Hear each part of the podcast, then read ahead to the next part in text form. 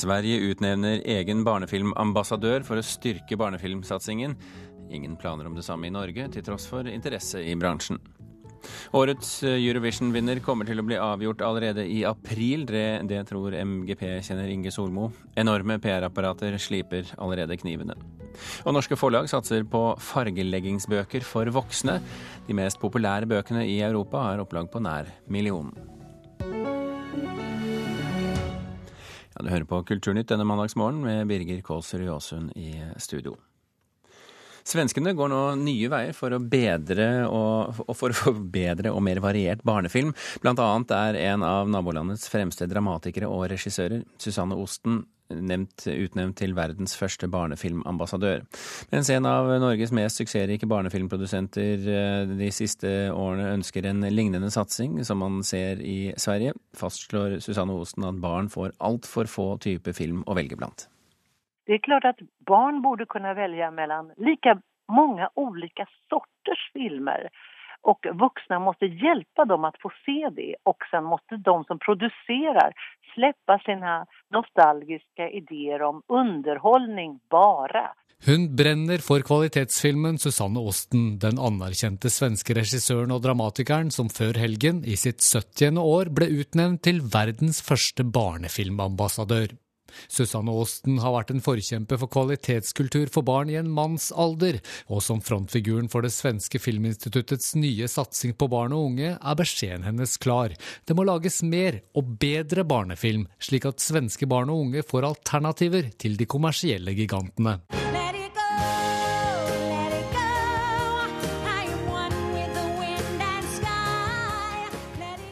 Det finnes så mange, mange, mange barn som ikke får i enlighet med deres kapasitet og utvikling. De har så lite å velge på. De får se så lite. Og eh, det er jo det som er min eh, roll her, å peke på det. At her er det eksplosive hjerner og hjerter og følelser som behøver alt det beste. Kvalitetsfilm for barn skal både inn i skoleverket og i forskningen, og det skal settes av egne midler til dem som vil lage nyskapende og relevante kvalitetsfilmer for unge. Det skal rett og slett bli status å lage svensk barnefilm. Det er et fantastisk tiltak fra Svensk Filminstitutt, og jeg håper jo selvfølgelig at vi kan få til noe lignende i Norge. Det er ikke så mange barnefilmer som blir laget hvert år. Det gjør jo nødvendigvis noe med bredden også. Når det er tre barnefilmer, så er det begrenset hvor mange temaer man kan være innom. Så det er klart at en satsing på barnefilm eh, ville gjort noe med både temavalget og utgangspunktene for filmene. Sier Cornelia Boysen da hun får høre hvordan svenskene satser på barnefilmen. Som produsent i Maipo Film står hun bak både Dr. Proktors prompepulver og Jul i Flåklypa, som til sammen solgte godt over 1,2 millioner kinobilletter her til lands.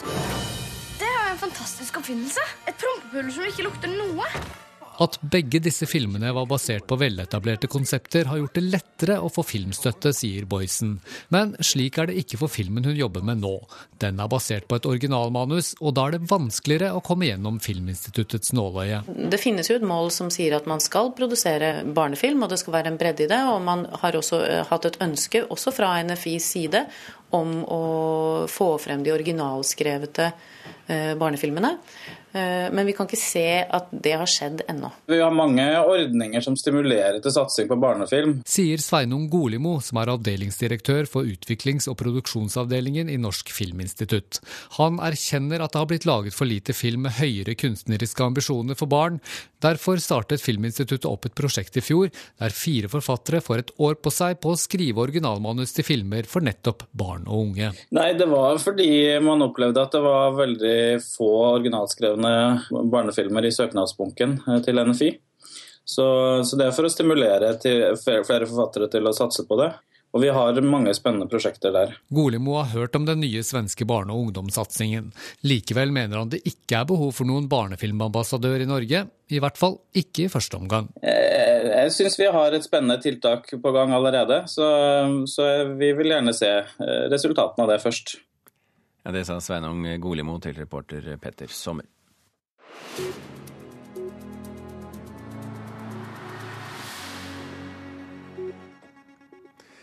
Elton John oppfordrer til boikott av motemerket Dolce og Gabbana etter at designerne i et intervju kalte barn som er unnfanget ved kunstig befruktning for syntetiske. Elton John, som har to barn med sin mann David Furnish, skrev på sosiale medier at han aldri ville bruke motemerket igjen. Designerne og forretningspartnerne Domenico, Domenico Dolce og Stefano Gabbana er også homofile, men Dolce sa i intervjuet at han også er motstander av at homofile par skal få adoptere barn. Kunstneren Lars Wilks fikk i helgen en ytringsfrihetspris av det danske Folketinget. Kunstneren opptrådte offentlig for første gang siden terrorangrepet i København, der han trolig var et av målene.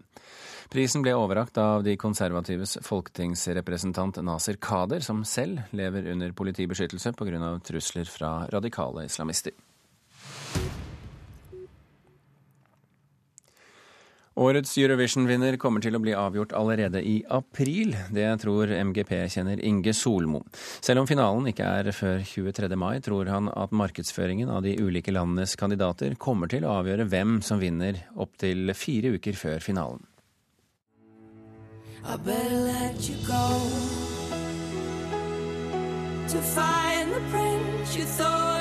I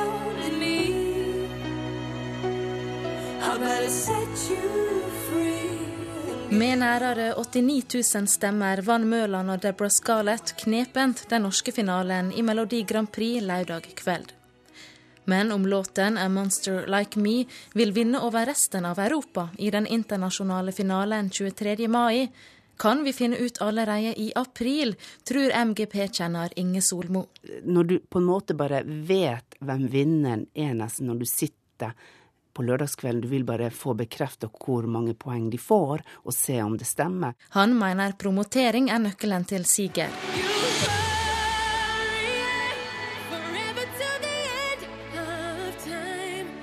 Loreen hun var jo utnevnt som den store favoritten, og vant jo. Emily de Forres fra Danmark hun ble jo en stor favoritt og vant jo. Eh, Rybak var jo en stor favoritt og vant. Det er ikke noe galt i det, men da tenker jeg da er det de som legger inn mest promoteringspenger i det her, som vinner fram. Mediemerksemda har mye å si, mener Solmo, fordi TV-seerne vil stemme på sanger de allerede har hørt. Det er ikke musikkansvarlig i Melodi Grand Prix i NRK, Vivi Stenberg, helt samd i. Hun mener konkurransen først og fremst handler om musikken. Eh, noen år så man, eh, får man veldig tydelige vinnere, men det tror jeg har mer med at det er gode låter og gode uh, opptredener. sånn som Rybak i 2009 og sånn som Loreen med 'Euphoria'. Dette er kjempegode låter. Og så kommer det noen ganger litt mer overraskende, som Danmark, som vant for et par år siden, som ikke var en sånn kjempefavoritt, men som, en, som utkrystalliserte seg etter hvert som en helt grei favoritt. Men som i musikkbransjen ellers, og, og som i alle kommersielle, dog også kunstneriske ulike eh, bransjer, så, så, er det klart at det er viktig å, å få fram budskap om hvem man er og hva man driver med. Så, så uh, en, en musikkonkurranse uten markedsføring ville vært veldig rar i 2015. Leder for den norske Grand Prix-klubben Morten Thomassen er samd i at PR-apparatene er større nå enn tidligere. Men også han mener at det er musikken som står i sentrum. Sånn er nå en gang verden blitt, at det må markedsføres på det vide brede Man har sosiale medier på en masse, og da bruker man de mulighetene man har for å markedsføre seg selv. Det, det, gjør man i alle. Det gjør man i Idol, og det gjør man i alle slags musikkonkurranser. Det gjør jo alle artister, så det er ikke noe mer usedvanlig at Grand Prix-artister gjør det. Inge Solmo mener likevel at det er lett å forutse vinnerne, mellom annet fordi sigrene nå er mer overlegne enn de var før. Nå har du de her enormt knusende seirene som kommer nesten år etter år. Det er jo unntak her også, men jeg tenker Jeg sitter med følelsen av at vinneren har allerede vært eh, solgt inn, og nesten litt forutbestemt. Reporter her, det var Andrea Kvamme Hagen. Anders eh, Grønneberg, MGP-journalist i Dagbladet, kan vi kalle deg det? Jo da, det går greit. Velkommen til Kulturnytt. Tror du at vinneren vil utkrystallisere seg allerede lenge før selve finalen? Det har jeg litt problemer med å, å, å, se. Jeg kan godt se at vi har eh, blir spilt, jeg kan være kampanjer for dem og for ulike bidrag og, og artister. Men Eh, det var ingen av verken Dagbladet, Aftenposten eller VG som greide å, å, spå rett nå på hvem som skulle bli den norske MGP-vinneren, så jeg, det, det, det er ikke så lett. Nei, men samtidig så har vi jo hatt, som det ble nevnt i saken her, en del sånne artister som, som tydelig eh, viser seg frem lenge før i prosessen enn selve finalen. Sånn som f.eks. Lorén og, og, og Alexander eh, Rybak. Jo, det er klart at det, kan være med på å, å, å, å gi, påvirke resultatet, det veit jeg ikke. Men det er den kvelden når eh, enten det er nasjonale finaler eller europeiske finaler, den store europeiske finalen, det er da folk sitter her med telefonene sine. Det er da eh, hver enkelt land og hver enkelt artist skal i ilden, og det er der og da det avgjøres. Og jeg har blitt tatt på senga mange mange ganger og blitt overraska til tross for eh, land som du nesten er sikker på, eller artister du er ja, veldig klar for skal gå mm. videre eller vinne, og så skjer det ikke. Eh, Det er jo åpenbart at man må ha en bra låt i bånn, og ikke hvilken som helst låt kan vinne med et massivt eh, markedsføringsopplegg. Tror du likevel det er viktig, og kanskje har blitt viktigere med årene også, å ha dette markedsføringsapparatet i ryggen? Det kan være eh, eh, og, og, markedsføring, enten det er eh, musikk eller reklame, produkter, uansett, så, så er jo det med på å, å påvirke oss. Men eh, jeg tror ikke man skal overdrive, overvurdere, fordi jeg har vært med på det her i mange, mange år og, og, og vært utsatt for Eller man får en fornemmelse av at dette her, denne artisten, dette her blir årets vinner. Og så skjer det noe underveis. Det skjer noe ikke minst på finaleuka, eller i finaleuka og på finalekvelden. Så jeg kjøper ikke den at det her er avgjort på forhånd. Det tror jeg ikke noe på.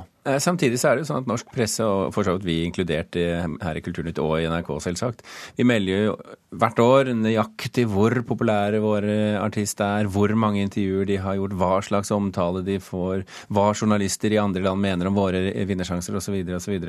Er, er spillet rundt eh, denne melodikonkurransen vel så viktig som selve showet nå?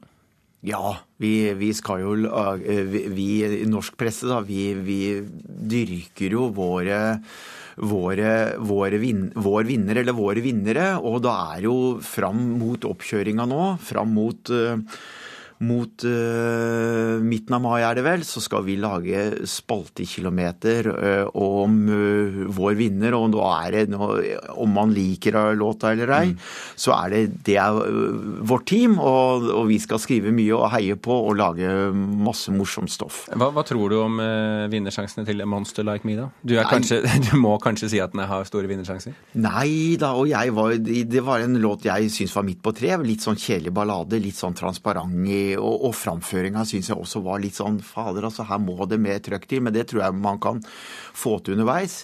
Egentlig en fin melodi. Den har en melodi. Det er ikke alle Grand Prix-låter som har melodier i seg. Så, så det er en låt med potensial? Det er det, hvis det er ballade man vil ha. Men det må, må litt mer trøkk inn i framføringa her, føler, føler jeg. Vi får se hvordan det vikler seg ut. Anders Grønneberg fra Dagbladet, takk for at du kom til Kulturnytt. Selv takk.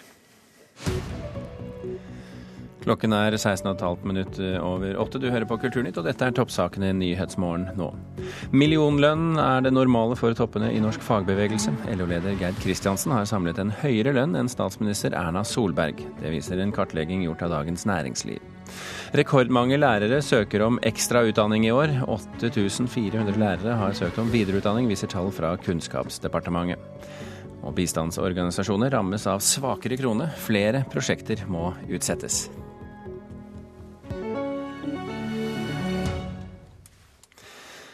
Denne uken kan de som vil fra norsk motebransje sette seg på skolebenken for å få kunnskap om hvordan de skal slå igjennom på det internasjonale markedet. Og det gjør de hos dere, Linda Refvik. Velkommen til Kulturnytt. Tusen takk. Takk for å være her. Prosjektleder for Norwegian Fashion Hub. Hva er det for noe? Det er en samling av bedrifter som ønsker å jobbe sammen for å eh, styrke sin eh, business fremover globalt. Så det er en samling av bedrifter som tror på samarbeidet. sammen. Hvordan er statusen for uh, norsk mote i utlandet? Den er, uh, det er stor interesse for det. Uh, det er, vi er en ung næring som, som ikke mange nok kjenner til. da. Men vi er jo alltid, og det nevnes jo sikkert til det kjedsommelige for dere i bransjen, men vi står jo alltid i skyggen av svenskene som har Hennes og Maurits og ja. Og de store kjedene. Vi har de små, flinke designerne. Mm. Men ingen industri. Er det et mål for dere å få den norske industrien opp? Ja. Altså det er jo eh, Den er liksom tosidig. Du har liksom de konseptene som er merkevarebyggerne, som er i, er i Norge, og de ønsker vi selskap skal inn, gå internasjonalt i eh, de markedene som har store potensialer. Og så er det jo selvsagt verdikjeden som vi også ønsker å ta et løft i. Som vi snakker om i eh, Neilwork and Technology-konferansen i morgen. Hva, det, hva, hva er hovedpoenget med denne konferansen? Hovedpoenget med konferansen er å bygge kompetanse for uh, disse bedriftene som er på besøk hos oss. Vi skal gi dem innsikt i de markedene de skal inn i. Og vi skal fortelle dem eh, om trendene som eh, ruller der ute. Og så skal vi selvsagt fortelle dem, og dette har vi jo eh, internasjonale, flotte foredragsholdere fra hele verden som kommer og forteller oss om. Og når du sier hele verden, så snakker vi om New York, London, men også Japan og Kina. Ja. Hvorfor det asiatiske markedet? Kina er jo en av de størst voksende markedene i verden, 30 eh, og vi ser at det er sterkt voksende. Så det er naturlig for oss å lukte på de markedene med også sterk vekst, selv om hjemmemarkedet i Europa er kanskje det som ligger nærmest å, å, å gå inn i først. Men Hvilke forventninger har dere til, et, til effekten av et sånt seminar som dette? Effekten er å få læring, altså at man tar riktige beslutninger når man skal eh, planlegge sin bedrift sin ekspansjon fremover. Eh, så jeg tenker at eh, det handler om å gi dem nok innsikt til å bli klokere. Til å gjøre jobben sin bedre. Men, men er, det, eh, er, det, lang vei å gå før norsk motebransje begynner å nærme seg suksessen til den svenske? Jeg opplever at vi har veldig mye bra. Vi har fall, winter, spring, sommer, vi har Epilog, vi har Norwegian Rain, vi har Moods. Vi har mange sterke merkevarer. Men de trengs å, å mm, bli kjent i større grad ute og få eh, sitt nettverk opp. Og dette med nettverkssamling og kunnskapsdeling, det er jo det vi skal gjøre da, på Nilenberg i, i, dag og i morgen. Så hvis vi skal ha en, en hva skal vi si, et, et håp for deg på, på kort sikt da, etter sånn, eh, et sånt seminar, hva håper du å få ut av det eh, inneværende år, hvis vi kan si det? Nei, Da håper jeg at eh, de som planlegger ekspansjonen sin, tar riktige beslutninger og ikke går på de feilene de ellers ville kanskje ha gjort. Kompetansebygging er aldri galt. Linda Refek, tusen hjertelig takk for at du kom til Kulturnytt. Takk for at jeg fikk komme. Vi skal fra trender i mote til helt andre trender, nemlig det som da heter fargeleggingsbøker. Og fargeleggingsbøker for voksne er nemlig en av de nye boktrendene for tiden, med et opplag på rundt millionen så selger de mest populære fargeleggingsbøkene stort over hele Europa. Behovet for å koble av og samtidig gjøre noe konkret er en del av en større trend, mener sosiale, en sosialantropolog du skal få høre snart. Og nå kaster også norske forlag seg på trenden. Jeg er veldig glad i regnbuefarger, så her har jeg startet eh, brukt alle regnbuens farger og litt ekstra til på denne uglen. Kristin Storusten, blogger på bokmerke.org, sitter ved kjøkkenbordet sitt i Oslo og fargelegger. Hun fyller inn en blome med knallgul. Jeg er veldig visuell, altså liker å tegne sånn ellers også, så da er det en måte å på en måte skru over hjernen på et annet hakk. Med fargestiften i handa er hun både trendy og kontinental på samme tid. For fargeleggingsbøker for voksne, som t.d. Secret Garden av skotske Johanna Basford, har gått sin seiersgang i Europa. Med nærmere en million solgte eksemplar på verdensbasis har Basford virkelig sett fargelegging på kartet. Nå fester òg norske forlag grepet om fargestiften. Cappelen Dam har to fargeleggingsbøker i stallen, deriblant 100 inspirerende mønstre til å fargelegge selv, med et samla opplag på 12 000 eksemplar. Gyldendal har på sin side sikra seg rettighetene til den norske omsetninga av Basford sin suksess.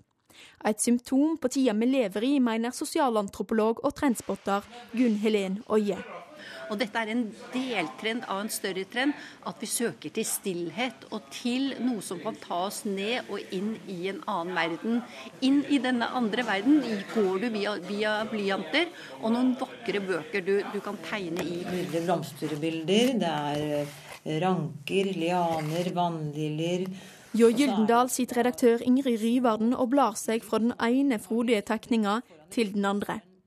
Hun mener bøkene representerer en reaksjon mot det digitale. Det blir jo på en måte ikke mer analogt enn dette.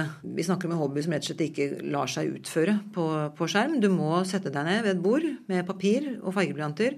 Eh, og eh, for mange er det nok eh, dette med avkoblingen, avslapningen, det å være kreativ uten at det hele tiden handler om å klikke seg videre og sitte med sånn, et eller annet digitalt medium i hånden.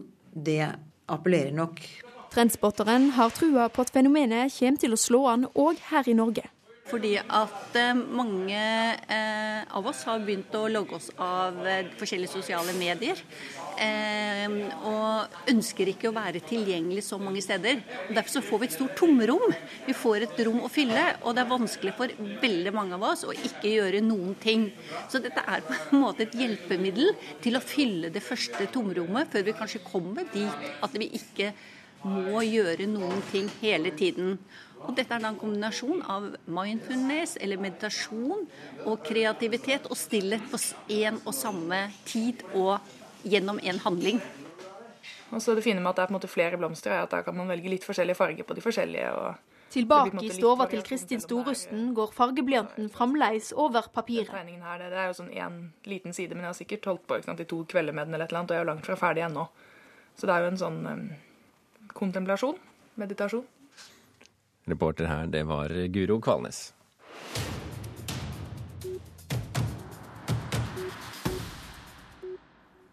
Da teateroppsetningen Bo bedre gikk på scenen i Danmark, ble det en umiddelbar suksess.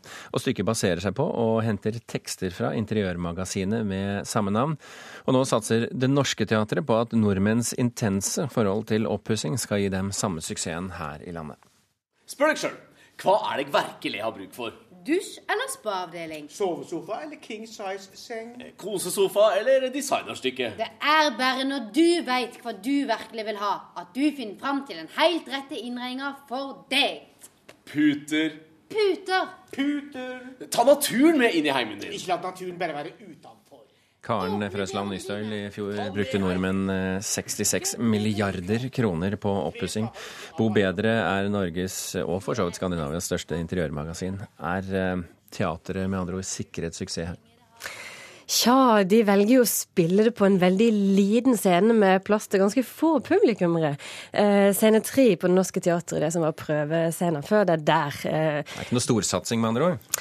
Nei, men, eh, men finner mange veien til teatret, så veit de å forlenge spilleperioden. Så, så det kan bli en suksess, men foreløpig så er det folkelig. Men for de få sånn i antall publikummere å måle, da. Um, men Bu Betre er en teateropplevelse som ikke har de store overraskelsene ved seg. Det er, det er veldig gjenkjennelig. Det har selvfølgelig gjenkjennelig tematikk. Det handler om ønske om forbedring og ønske om noe nytt. Og tanken om at alt da skal bli bra, osv., osv. Men det er det er et teaterstykke med godt ensemblespill og, og, gode scener og gode skuespillere. Det er jo fire stykk som alternerer på et utall roller. Agnes Kittelsen og Espen Reboli Bjerke, Hilde Olausson og Per Skjønning, som vi har hørt det her, og det er de som loser oss gjennom interiørverdenen. Men kan det bli god dramatikk av eh, tekstene i et interiørmagasin? Kanskje ikke i utgangspunktet, men det handler jo om hvordan du velger å bruke tekstene. Som vi hørte her, så var det jo um, ja, Det var jo som å hente fra et interiørmagasin. Hvilket det også er. ja, det, det, som vi, det som vi hørte. Eh, men eh, det kan jo f.eks. kontrasteres i hvordan disse tekstene spilles ut. For alt som ikke sies i denne forestillinga, eh, det vises på scenen. Det er mye stress, mye jag, mye styr før gjestene skal komme. Det, det, I bevegelsesmønsteret så er det veldig mye å kjenne igjen. Så, så, satt opp mot hverandre, disse tekstene mot hvordan det faktisk spilles, det, det skaper et spenn, og det gir, det gir gjenkjennelse. Og i tillegg så har de jo brukt um, ulike sangtekster. De starter jo hele forestillinga med 'Mellom bakker og berg ut med havet hever nordmann fenge sin heim'. Mm. Uh, og uh, Per Skjonning han uh, gjør en variant av Leonard Cohen sin 'First We Take Manhattan', som da handler om oppussing. først tar vi kjellerstua, og så tar vi kjøkkenet etterpå. Men, men, ligger det noe, med andre ord, noe dypere de prøver å gripe fatt i på teatret her? Ja, for det Altså, alt det Vi, vi pusser jo opp, og vi er så fokusert på hvor vi bor og hvordan det ser ut, men det det egentlig handler om, er jo identitet. Det er jo eh, hvem vi er, og hvem vi ønsker å være. Fasade kontra innside. Dette jaget etter å oppnå noe mer og alltid strekke seg lenger, alltid få det finere. At vi aldri kan stå i ro i det vi har. Eh, mange av scenene i dette stykket er jo nettopp eh, sånne. Det er en scene der Hilde Olausson ligger og, og, forteller hvor glad hun er i huset sitt, hvor fint det er å ligge og slappe av en mandag. Og så ser hun at eh, takrenna ikke funker, så må hun fikse det. Og så ser hun nye ting, så må hun fikse det. Får aldri slappet av. Får aldri slappe av. Er det, er det et godt teaterstykke? Det er, et, det er, et, greit teaterstykke. Det er som sagt eh, godt ensemblespill og raske skift. Og regissør Katrine Telle har fått mye ut av, av interiørtekstene. Men det, det, er ikke noe som overrasker meg her noe sted. Det er et teaterstykke for den som bor i en heim og er opptatt av oppussing. Den vil finne igjen masse gjenkjennelig. Så det, det er fint og greit og folkelig. Fint og greit og folkelig. Kan det bli bedre, spør meg Karen Frøsland Nystad. Tusen hjertelig takk for at du kom til oss. Kulturnytt er slutt. I dag har vi bl.a. fortalt at Sverige utnevner en egen barnefilmambassadør for å styrke barnefilmsatsingen. Måtte ikke helt er eh, planer for det i Norge, selv om behovet kanskje er der. Sendingen fikk du av Frode Thorshaug, Gjermund Jappé og Birger Kolsrud Jåsund.